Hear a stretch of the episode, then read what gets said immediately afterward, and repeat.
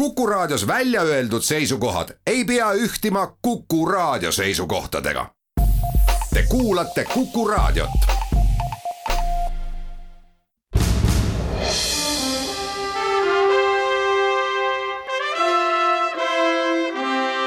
vahetund Postimehega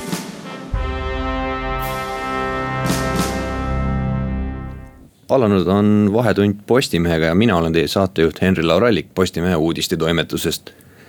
täna esimeses saate pooles arutleme eestlaste vaimse tervise ole, üle, mis on see üldseis ja millised on ravivõimalused aastal kaks tuhat kakskümmend. saate teises pooles vestleme ajakirjandustudengite väljaande Neljas Dimensioon ajakirjanikega nende värskest äh, paberkandjast ajaleht ja vaatame, mis neile on viimase kuu jooksul, mis probleemid on silma jäänud. ja saate lõpus tuleb natuke juttu ka Eesti jalgpallikoondise hetkeseisust. aga kuna on äh, vaimse tervise kuu ja praegu oleme üle elamas sellist rasket kriisiaega siis mul on hea meel stuudios tervitada Postimehe Fookuse külgede toimetaja Kadri Tammepuud tervist. ja liinil peaks meiega olema ka Eesti Kliiniliste Psühholoogide Kutseliidu juhatuse liige Triinu Tänavsuu. tere päevast. no kui ma alustan sellise üldise küsimusega, siis äh, Triinu, kuidas sulle tundub äh, kliinilise psühholoogi vaatepunktist, et milline on äh, selline eestlaste vaimse tervise üldseis?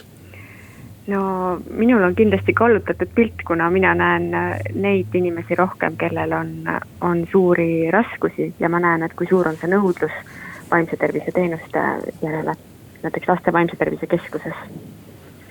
aga kui vaadata statistikat, siis väga murettekitav on see, et, et juba selle aasta augustikuus äh, oli Eestis oma käe läbi elu võtnud endalt äh, sama palju inimesi kui eelmisel aastal aasta lõpuks.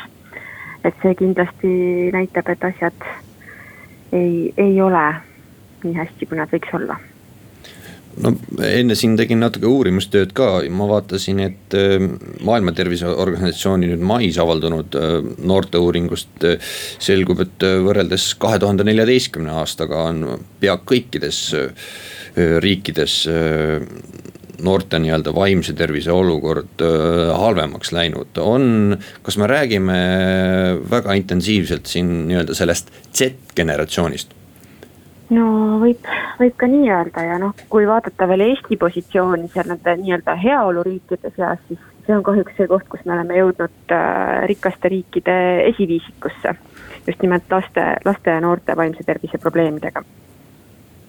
Kadri, Kadri, sina oled kaardistanud äh, seda nii-öelda ravi jõudmise olukorda, et äh, üks asi on see, et meil on kehv olukord, aga kuidas Eestis üldse võimalusi on, et kuidas saada äh, nii-öelda ravi? no veel enne, kui ravile pääseda, siis veel enne tihtipeale inimesed tahavad üldse teada, et kas neil on selline probleem, mis vajab ravi või mitte.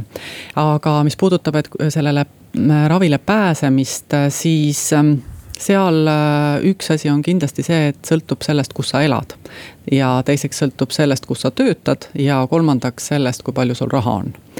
kui sa mm, näiteks töötad helde tööandja juures, siis võib juhtuda, et tööandja juba äh, ennetavalt saadab või võimaldab sul minna näiteks kliinilise psühholoogi juurde ja teatud äh, oma vaimseid probleeme korrigeerida kui sa elad kusagil väiksemas kohas, siis on väga tõenäoline, et sinu kodukohas ei ole üleüldse võimalik saada kliinilise psühholoogi jutule, sest neid lihtsalt väiksematest kohtadest ei leia. Väga palju aitab siin kaasa seda, see, et kui hästi on välja õppinud Äh, ja juurde õppinud äh, vaimse tervise probleeme lahendama näiteks perearst või pereõde. mõnikord võivad nemad ka kastanid tulest välja tuua. ja, ja kolmas võimalus on muidugi minna EMO-sse, kui on juba tõsisemad probleemid, äh, aga tihtipeale sellest üksi ei piisa, et see suur tulekahju ära kustutada, kui söe, söed jäävad ikka kusagil hõõguma ja need probleemid ei ole lahenenud Triinu, kas te näete rohkem sellises raskemas staadiumis äh, patsiente või tuleb ka palju selliseid nii-öelda kergema murega inimesi? no mina näen rohkem selliseid plaanilise töö raames tulevaid äh, väikelapsi, kes äh, on, tõsi küll, ka paljud juba väga pikalt pidanud abi ootama. aga et ma kommenteeriksin seda regionaalse kättesaadavuse teemat veel, et, et selles osas vähemalt on natukene nüüd äh, leevendust oodata äh, seoses kaugtöö võimalusega. et siin koroonakriisi ajal see andis sellise sunnitud tõuke kaugtöö meetodite kasutuselevõtuks ka kliinilistel psühholoogidel. Ja, ja nüüd Haigekassa tellis meilt kaugtöö eelanalüüsi ja tõenäoliselt mm, on siis kaugteenused tulnud selleks, et jääda. et Haigekassa eriarstiabi osakond pingutab praegu selle nimel, et saaks siis äh, kliiniliste psühholoogide kaugteraapiat esimesest jaanuarist kaks tuhat kakskümmend üks tervishoiuteenuste loetellu et muidu need olid ainult niimoodi esmakordselt kasutusel eriolukorra ajal ja siis paar kuud pärast seda. No see peaks natukenegi olukorda leevendama.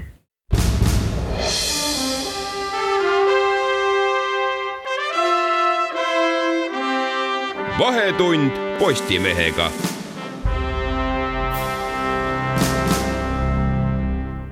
tere tulemast tagasi, eetris on Vahetund Postimehega ja jätkame vaimse tervise teemadel. Ehm, me enne rääkisime, kuidas on võimalik eh, praegu seda ravi saada, aga tahaks uurida Triinu sinult, et mida sa näed, et milline mudel kliinilise psühholoogi juurde jõudmiseks võiks kõige parem olla, et kas kliinilised psühholoogid peaksid pigem haiglates olema, erapraksistes või võiksid olla ka nad perearstide juures, et või on selline segamudel äh, kõige parem, et äh, kuidas sa sellele vaatad? Ma eelistaksin näha segamudelit, et mulle väga meeldiks näha kliinilisi psühholooge rohkem ka tervisekeskustes perearste toetamas ja seda vajadust näevad ka perearstid väga tugevalt, et, et oleks paljudel patsientidel, kes tulevad oma kehaliste kaebustega, oleks tegelikult vaja sellist äh, eelistatavalt pikaajalist psühhoteraapiat, aga mõningatel juhtudel on abi ka mõnest korrast konsulteerimisest. Aga praegu meil on selline olukord, kus isegi haiglates tegelikult ei jagu piisavalt kliinilisi psühholooge. et, et praegu on tõesti see abi kättesaadavus on, on väga murettekitav et kui me võrdleme Soomega, siis noh, Soomes on, on kuskil viis tuhat litsenseeritud psühholoogi, mis on siis võrreldav meie kliinilise psühholoogiga. aga Eestis on meil äh, sada seitsekümmend üheksa kliinilise psühholoogi kutsega äh, inimest ja neist haiglates töötavad umbes pooled. ehk siis see nagu annab vihje, et kui, kui, äh, kui, kui raske on, on psühhoteraapiasse saada haiglates. ja praegu ma oma patsientidega olen kokku puutunud olukorraga, kus isegi äh, erasektorisse psühhoteraapiasse suunata ei ole võimalik näiteks sellel aastal üldse, et kuna kõik, kõik ajad on täis. kui nüüd äh, teie nii-öelda pingutused äh, poliitilisel tasandil on vilja kandnud ja lõpuks ka järgmise aasta riigieelarves Äh, siis riik siis kli, kliiniliste psühholoogide siis kutseõppeaastat nii-öelda toetab, kuusteist õppekohta täpsemalt, siis, siis kas see parandab olukorda või ta on ainult selline lühiajaline leevendus? no ma arvan, see kindlasti parandab olukorda, sest väga positiivne on see, et nüüdsest on olemas püsirahastus, ehk siis see ei ole nagu selline ühekordne sutsakas, vaid äh, saigi see kliiniliste psühholoogide kutseaasta rahastamine osaks Sotsiaalministeeriumi eelarvest. ja ma usun, et sellest on pikas perspektiivis kindlasti palju abi. Äh, aga noh, siia kõrvale muidugi äh, võiks lisanduda ka koolipsühholoogide kutseaasta rahastamine, sest kui praegu on, kui me räägime laste ja noorte probleemidest, siis selline esimene äh, vaimse tervise spetsialist, kes võiks olla vaimse tervise kriisi puhul seitsme päeva jooksul kättesaadav. on koolipsühholoog? on koolipsühholoog, aga meil on, ma ei tea, kolmekümne neljas protsendis koolidest vist on koolipsühholoog, et see on, see on ka kindlasti väga, väga murettekitav. Et hoiame pöialt, et ka koolipsühholoogide kutseaasta saaks rahastuse. Kadri, sina oled teemat uurinud ka, mis need nii-öelda elulised markantsed näited on, mis patsientidega juhtub, kui nad tahavad äh, praegu kliiniliste psühholoogide nii-öelda väheses arvukuses kliinilise psühholoogi juurde saada? no võib-olla üks näide on äh, selle kohta, kuidas äh, selleks üldse, et kliinilise psühholoogi juurde pääseda, kes siis teeks hiljem psühhoteraapiat, millest noh, näiteks depressiooni puhul arvatakse olevat väga suur kasu. Äh, tuleb pääseda näiteks psühhiaatri juurde ja mm, juhtuski ühe tuttavaga nii, et tema siis suunati psühhiaatri juurde, sest perearst ei suutnud päris täpselt ikkagi temaga edasi tegeleda ja, ja need esmalt määratud ravimid ka ei aidanud. ja tema siis seisis järjekorras seal neli kuud ja nädal enne, kui äh, tema aeg oli siis saabunud, äh, siis äh, öeldi, et arst on kahjuks nüüd töölt ära läinud ja ta peab endale uue aja panema. lõppes see muidugi sellega, et ta läks jälle järjekorra lõppu ja pidi ootama veel kolm kuud. nii et ähm, kliinilise psühholoogi juurde jõudis ta kunagi siis ähm, kaheksa kuud pärast seda, kui perearst oli talle saatekirja kirjutanud kui ei oleks olnud sellel äh, noorel inimesel nüüd toetavaid lähedasi, siis äh, noh, täpselt nagu siin alguses sai juttu tehtud, et me täpselt ei tea, millega need äh, olukorrad võivad päädida. Nad võivad lõppeda ka kõige halvemini. siin sellel juhul nüüd läks selle võrra hästi, et lähedased tihti suudavad ka natukene hoida inimest tagasi, et ta ei tee selliseid tegusid, millest enam tagasipääsu ei ole. Triinu, oled sina ka selliseid näiteid äh, kohanud või on isegi markantsemaid juhtumeid? no mina äh, väikelastega töötades puutun kokku selliste olukordadega, kus äh, väike laps näiteks no põhimõtteliselt visatakse lasteaiast välja halva käitumise pärast. ja, ja üks markantsem näide oli, et kus oli üksik, üksik ema kasvatas last ja pidi tööl käima selleks, et perekonda ülal pidada ja, pandi fakti ette, et kas äh, lahkuvad lasteaiaõpetajad töölt või lahkub tema laps, sest selle lapse käitumine oli muutunud äh, teistele nagu väljakannatamatuks. ja, ja seal taga oli olukord, kus tegelikult äh, vanemal endal oli vaja vaimse tervise abi, samamoodi ta ootas kõigepealt psühhiaatri järjekorras neli kuud siis ootas äh, veel kolm kuud, et saada kliinilise psühholoogi juurde. siis selgus, et, äh, et see kliiniline psühholoog, kelle juurde ta sai vastuvõtule, teeb uuringuid ja, ja tal ei ole teraapia ressurssi, ta suunati veel kellegi teise juurde, ta ootas veel, veel mitu kuud. et ähm, eh, noh, tegelikult niimoodi need asjad nagu ei peaks käima. ühesõnaga, meil on väga pikk maa minna. just ja et üks, üks takistus, mis on, on see ka, et äh, kuna kliinilised psühholoogid, kuigi nad osutavad psühhiaatrilisi tervishoiuteenuseid, nad ei ole seaduse mõistes äh, reguleeritud tervishoiutöötajatena. see tähendab seda, et neil ei ole õigust näha näiteks patsiendi äh, e-haiguslugu, neil ei ole õigust teha iseseisvat vastuvõttu. et, et isegi kui kliiniline psühholoog näiteks noh, näiteks perearstiga koostöös eh, saaks pakkuda rohkem, rohkem tuge, et siis, siis seda on väga keeruline korraldada, sellepärast et et, et tal see infovahetus on tugevalt häiritud no ma rääkisin ka, kui ma tegin seda num-, ajalehnumbrit, rääkisin ka doktor Lehtmetsaga ja tuli seesama teema tuli kõneks ja tema näiteks arvas, et kui kliinilised psühholoogid töötavad äh, nüüd asutuste sees, siis neil on juurdepääsud äh, just nimelt nendele vajalikele terviseandmetele, mis patsientidega seonduvad. ja küll puudutab see tõesti iseseisvalt praktiseerivaid äh, kliinilisi psühholooge ja seal tõepoolest see tervishoiutöötajate nimekirja Mm, avamine, see teine pool on sellest see, et, et kes üldse pääsevad siis nendele andmetele ligi. juhul, kui näiteks patsiendid ei ole andnud ise nõusolekut, et täna on see väga selgelt reguleeritud, ehk see vajaks siis nagu tõsisemat arutelu, oli ka näiteks doktor, doktor Lehtmetsa mõte et äh, muidu põhimõtteliselt lõpuks ei suudagi keegi väga täpselt hoomata. tulevad järgmised ja järgmised ja järgmised spetsialistid, kes peaksid nägema kõikide inimeste terviseandmeid. me oleme rääkinud siin äh, praegu, milline on meie vaimse tervise nagu nii-öelda üldpilt ja milline on see ravi üldpilt, aga võib-olla vestleks ka, kuna on vaimse tervise kuu, et mis nii-öelda inimlähedaselt, mis võiks olla selline profülaktiline meetod, et ähm, et, et näiteks Triinul nii palju tööd ei oleks, et võib-olla, mis on sellised head näpunäited, kuidas mitte sattuda sinna kriitilisse faasi?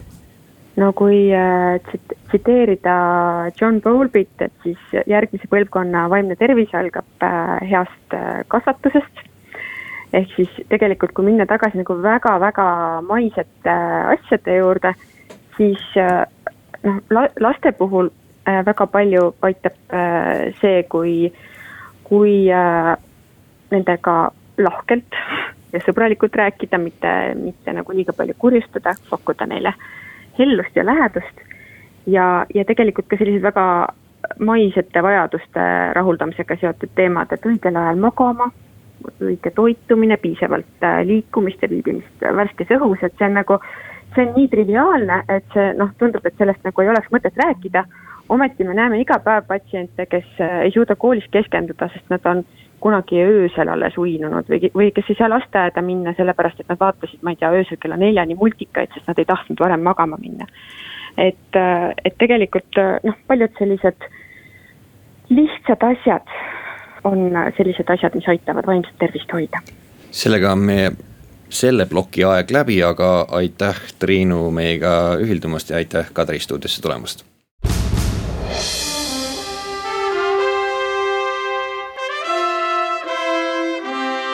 vahetund Postimehega.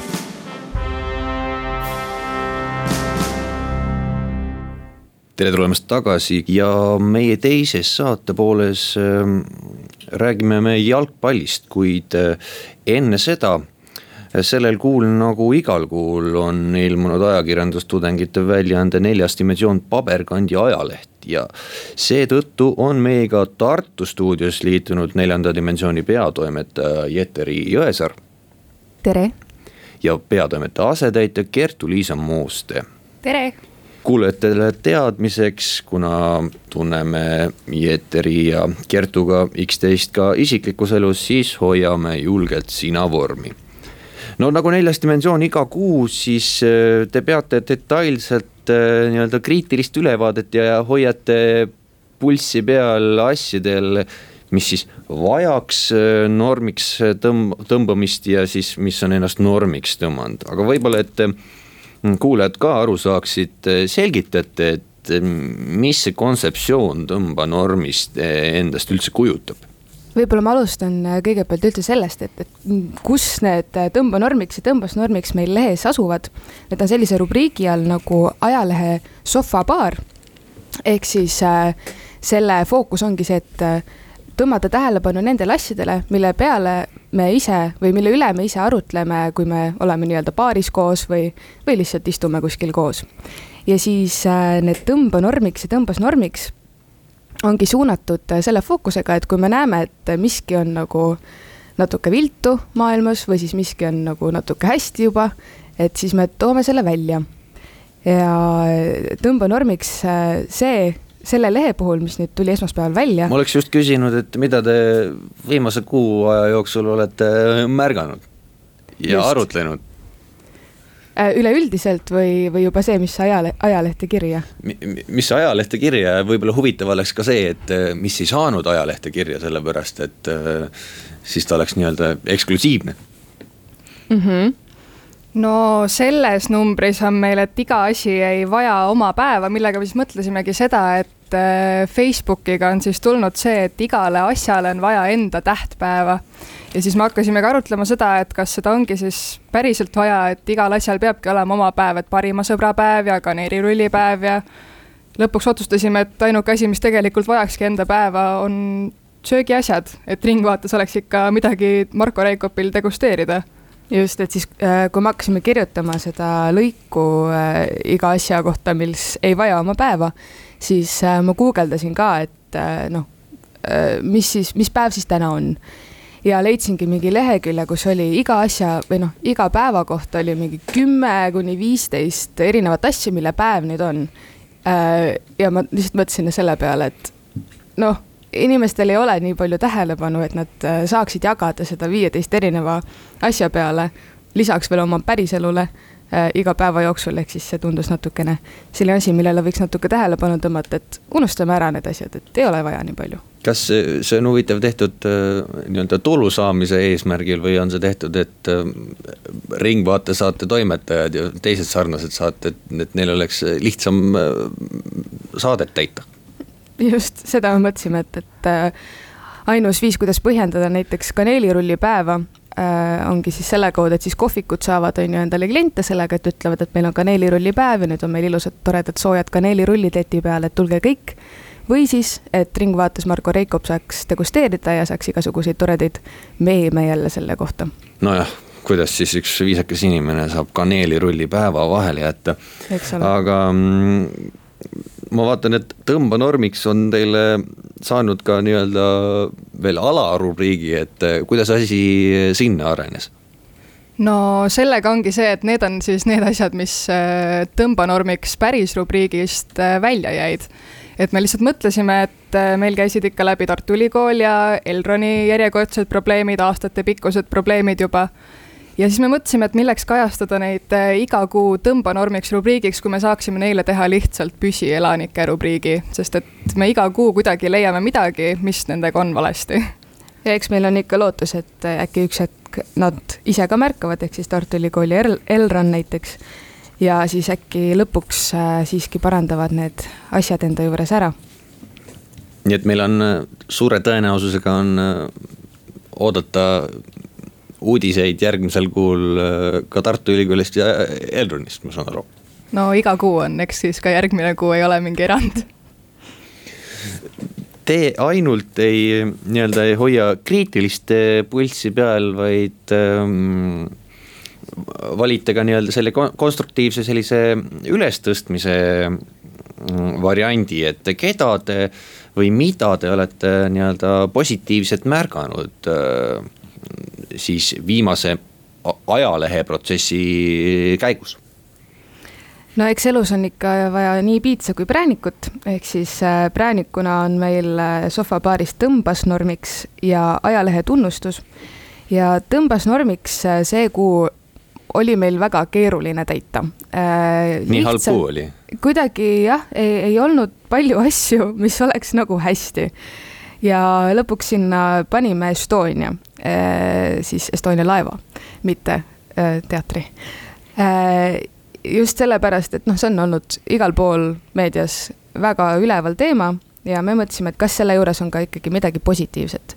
ja noh, mõtlesimegi, et see laev ise tõmbas normiks sellega, et ta paljastas oma selle augu, mis seal on ja siis toi-, toitis seda, et lõpuks äkki tuleks mingisugune lahendus ka sellele küsimusele, et mis siis seal juhtus. no seisukohta siin võtmata võib-olla saaks isegi ka Estonia teatri sinna panna. võib-olla Te olete ka tegelenud äh, oluliselt, ma vaatan siin keele, keelearendusega, et äh, kust tuleb sõna lubjakas ja äh, kes need lubjakad on? No lubjakad on meil siis äh, selline eestikeelne mugandus sõnale buumer, mis siis on äh, põlvkond, meie vanemate ja vanavanemate põlvkond teoorias. no umbes niimoodi, et, et tegelikult äh, nüüd juba noh, buumer kui selline on kuuekümnendatel sündinud või oma noorusaja veetnud, aga seda me oleme nagu laiendanud ka lihtsalt, et on nagu mõttelised buumerid. et kelle maailmavaade või, või arusaam asjadest on justkui buumerlik, et buumer ei pea olema näiteks viiskümmend pluss, vaid buumer tegelikult võib ka olla kahekümne aastane, aga ta lihtsalt on justkui aegunud äh, vaatega maailmale. ja ma saan aru, et äh, tunnustada võib ka inimesi, kes veel ei ole raadiohuviliseks hakanud no mitte just äh, raadiohuviliseks, aga mõtlesime siin just sellega, et äh, tahame tunnustada kõiki neid inimesi, kes ei ole veel algatanud enda podcast'i või taskuhäälingut. sest et nii nagu meil siin koroona karantiini ajal oli näha, siis kõigil järsku tuli idee, et kui lahe oleks teha enda podcast'i ja kuidas kõik tahaksid hullult kuulata seda ja siis hakkaski tulema igasuguseid äh, suvalisi kodukootud podcast'e, mida tegelikult kuulasid need inimesed, kes ise tegid ja võib-olla sõbrad-tuttavad ja et noh, mina mäletan küll natuke nooremast ajast seda, et kui olime sõpradega koos, siis mõtlesime, et oh, meie elu on nagu sitcom, et sihuke noh, komöödiasaade on ju. ja nüüd on justkui see, et, et podcast'id tulevad sellest, et inimesed ongi jälle koos, mõtlevad, oh, me räägime nii huvitavat juttu, et me peaksime selle nüüd ikkagi maailmale laiali jagama.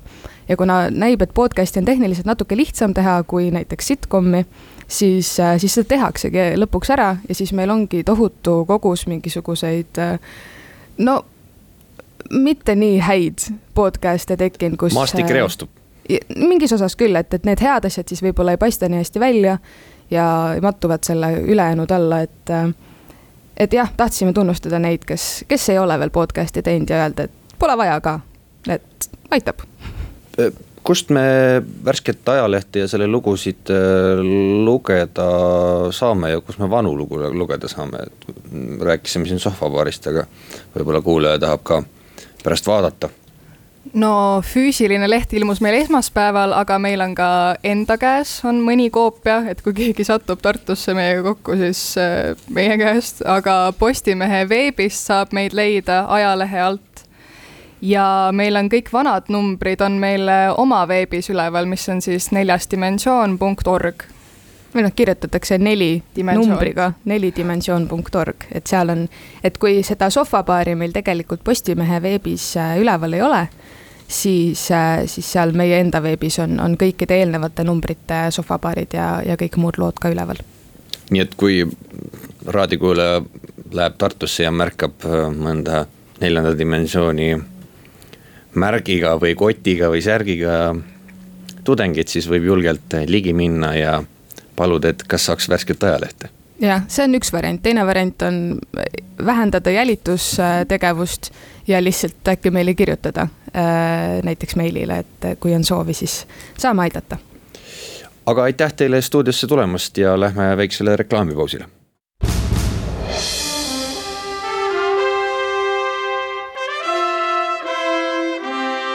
vahetund Postimehega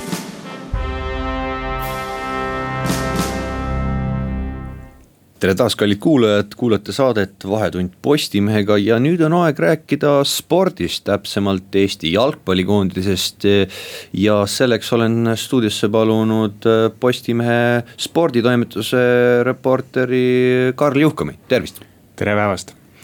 no täna kohtub Eesti Armeenia koondisega ja võõrsil jäädi äh, kaks-null alla, aga nüüd viimaste sündmuste raames mida sealt oodata võib?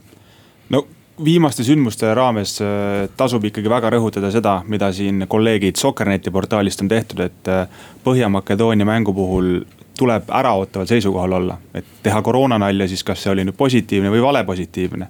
et ühe mängu põhjal järeldusi teha on keeruline, eriti arvestades, et see eelnev taak Eesti koondis võitis viimati kolmteist mängu tagasi see on nii suur, et ühe mängu põhjal on ennatlikke järeldusi teha, aga kui üldse siin rahvuste liiga alagrupis on praegu mäng, mida me võiks võita, siis see eesolev Armeenia mäng täna õhtul on kõige kergem nendest kindlasti.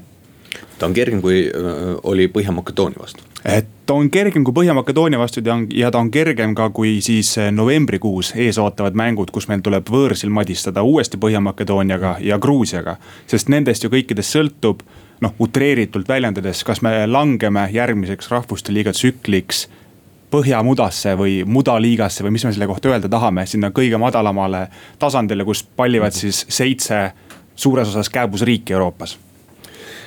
No kui me vaatame, et Eesti koondis äh, lõi küll mitte pühapäeval oma esimeses, esimene värav oli eelmine nädal Leedu vastu, aga pühapäeval lõi äh, esimeses mängus nii-öelda kolm väravat korraga ja ise vaatasin äh, ka seda mängu ja nii-öelda õnnesärgis kakskümmend minutit enne mängu lõppu kolm-üks juhiti, aga kuidagi siis lõpus ikkagist ähm, see kolm-kolm värav oli vist kõige hullem, kui selline puterdamine, sihuke lihtsalt äh, pallist mööda löömine ja sihuke klaarimine, et kust sellised nagu eksimused sinna lõppu tekkisid. mis äh, koondises praegu nagu puudus on, on, on see mentaliteedi probleem? No kindlasti see, kui sa oled siin äh, kaksteist mängu võiduta ja enne Leedu mängu seitse mängu väravat ei löö, see psühholoogiliselt muserdab sind, see jätab oma jälje. ja, ja tegelikult nii-öelda karm vastus on ka see, et meie mängijad ei ole võib-olla harjunud sellisel tasemel lihtsalt mängima, et see rahvusvaheline jalgpall ta on tempokam, ta on füüsilisem ja eriti olukorras, kus noh, kui Põhja-Makedoonial on vaja käiku juurde panna. siis tuuakse pingi pealt sellised mehed nagu Goran Pandev ja Iljan Esterovski, kes igapäevaselt mängivad Itaalia kõrgliigas jalgpalli. või poolajal on siis peatreener Igor Angelovskil tuua Enis Pardi, kes mängib Hispaania kõrgliigas. meil samal ajal väljakul müttavad Flora mehed ja nad teevad seda väga hästi ja väga tublisti, aga nad lihtsalt pole harjunud selle selle taseme, selle koormusega ja kui Põhja-Makedoonia need tasemel mängijad panevad selle gaasi juurde, sest nemadki tahtsid ju mängust tulevust, eriti kaotusseisus olles. siis on arusaadav, miks meie mängijad võivad neid vigu teha ja ei saa ju ka süüdistada näiteks äh, Lepikut, kes tegelikult on ju ründemängija seal selles kolm-kolm väravas tahtis esimene instinkt pall lihtsalt ära lüüa. see on täiesti loomulik instinkt, pall enda väravast võimalikult kiiresti, võimalikult kaugele me saame aega uuesti regrupeerida, kaitse korda saada, et instinktiivselt on see kõik täiesti õige lähenemine. lihtsalt nüüd tekibki see, et kas su, kas su enda oskused, tehniline pagas lubab seda instinktiivset käitumist ka õigesti välja viia ellu viia. ta lõi natukene pallist mööda ja see põrkaski Põhja-Makedooniasele ette, noh ja siis rikošeti abil veel ka väravasse selles suhtes, et. see on nihuke pooleldi õnne küsimus, aga õnn ju soosib tugevamaid. ja jällegi, kui sa teed selle lisasammu, selle lisa, lisasentimeetri, lisaliigutusi, siis alati võib juhtuda. ja Põhja-Makedoonia mängijad on nii kvaliteetsed, et nad tegid neid liigutusi ja lõpuks juhtuski. sest kui sa ei tee neid liigutusi, siis noh, mitte midagi, mitte midagi ju ei saagi sündida ja tasub ka mainida, et äh, Põhja-Makedoonia lõi ka penalti latti. et skoor oleks võinud vabalt äh, kolm-neli olla, aga noh, arusaadav, et äh, see tempo võib meie jaoks liiga kõrgel olla, et probleemi võigi olla meestes ega peatrennis, vaid Eesti liiga kesksus. võib-olla see jama on, nagu ma saan aru, et täna ka kirjutasid, et äh, me ei tee piisavalt äh, intensiivselt trenni.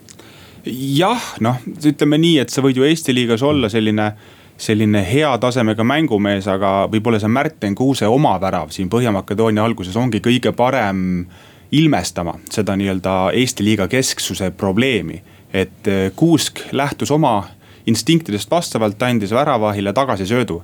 aga mida tegi Karl-Jakob Hein, kes igapäevaselt Arsenalis tegutseb tema oli liikunud värava eest ära kohta, kus söödukoridor oli kõige otsem, kõige lühem, et pakkuda surve alt välja tulemise šanssi. ja vot need maailmad ei kattunud kohe üldse, sest üks lähtus oma instinktist, oma õpetustest ja teine enda omadest. ja seal nii-öelda need kaks maailma põrkusid ja noh, meie jaoks siis väga-väga valusalt, aga jah äh, nii-öelda koduliiga mängijatele keskendumine on selles aknas üks, äh, üks valus märksõna ja seda olude sunnil, et äh, et ei saa ju öelda, et, äh, et, et mehed esineks halvasti, nad esinevad vastavalt oma võimetele, et siin äh, ajakirja Jalka peatoimetaja Raul Ojassaar tegi selle valikakna eel ühismeedias nihukese huvitava hääletuse, et et võtta praegused koondislased ja need, kes eemale jäid. et kui panna need vastamisi, kumb võidaks, noh ja jalgpallisõbrad, kes on hääletanud siis.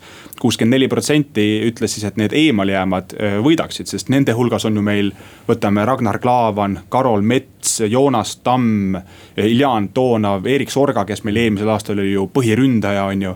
et neid puudujaid tegelikult on märkimisväärselt ja võtta kasvõi see, et täpselt kolm kõige tugevamat kaitsjat kes Eestil praegu võtta on, lihtsalt ei saa Eestit selles aknas aidata. ma saan aru, et äh, on ka räägitud nii-öelda sellest Eesti nii-öelda. Mart Poom siin tänases lehes on öelnud, et äh, kuskil see tasemevahe hakkab seal gümnaasiumis äh, tekkima, et nii-öelda see nii-öelda taseme probleem või intensiivsuse probleem on äh, seal kuskil juurte lähedal. Et ähm, mida siin ähm, aitaks parandada, kas tuleks näiteks kõne alla üldse meie jalgpallihariduse restruktureerimine või ähm, üldse pakun siin äh, sihukese äh, suure mõtte välja, et kas tuleks luua jalgpalli kutsekool, mis siis ühtlasi mm, peamiselt tegeleks jalgpalliga, aga annaks muuseas ka nii-öelda selle keskhariduse kätte no ütleme algelisel tasandil seda, seda tegelikult jalgpalliliit ka teeb, et Mustamäel Arte gümnaasiumis on eraldi jalgpalliklassid Äh, kui ma ei eksi, siis hetkel äh, põhikooli viimased kaks aastat, ehk siis kaheksas ja üheksas klass.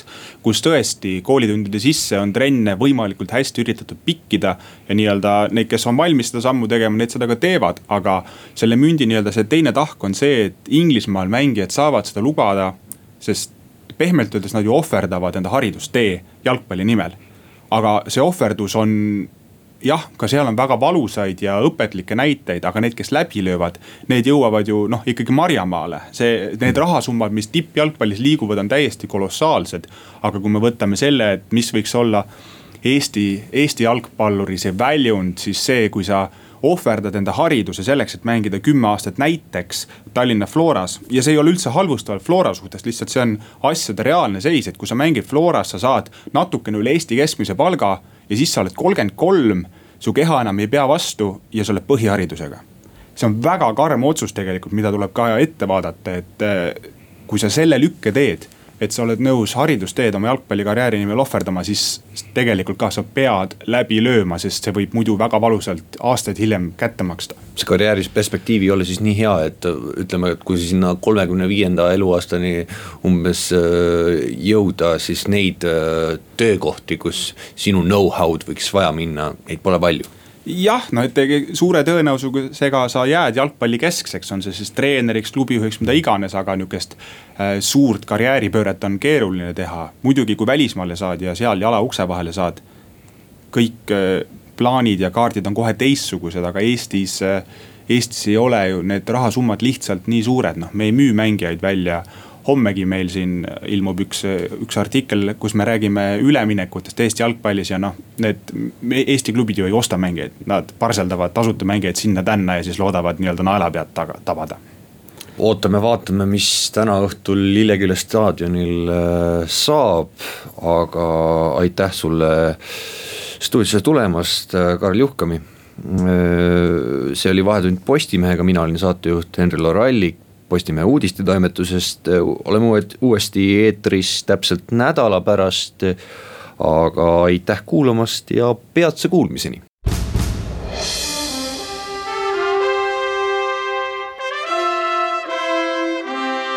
vahetund Postimehega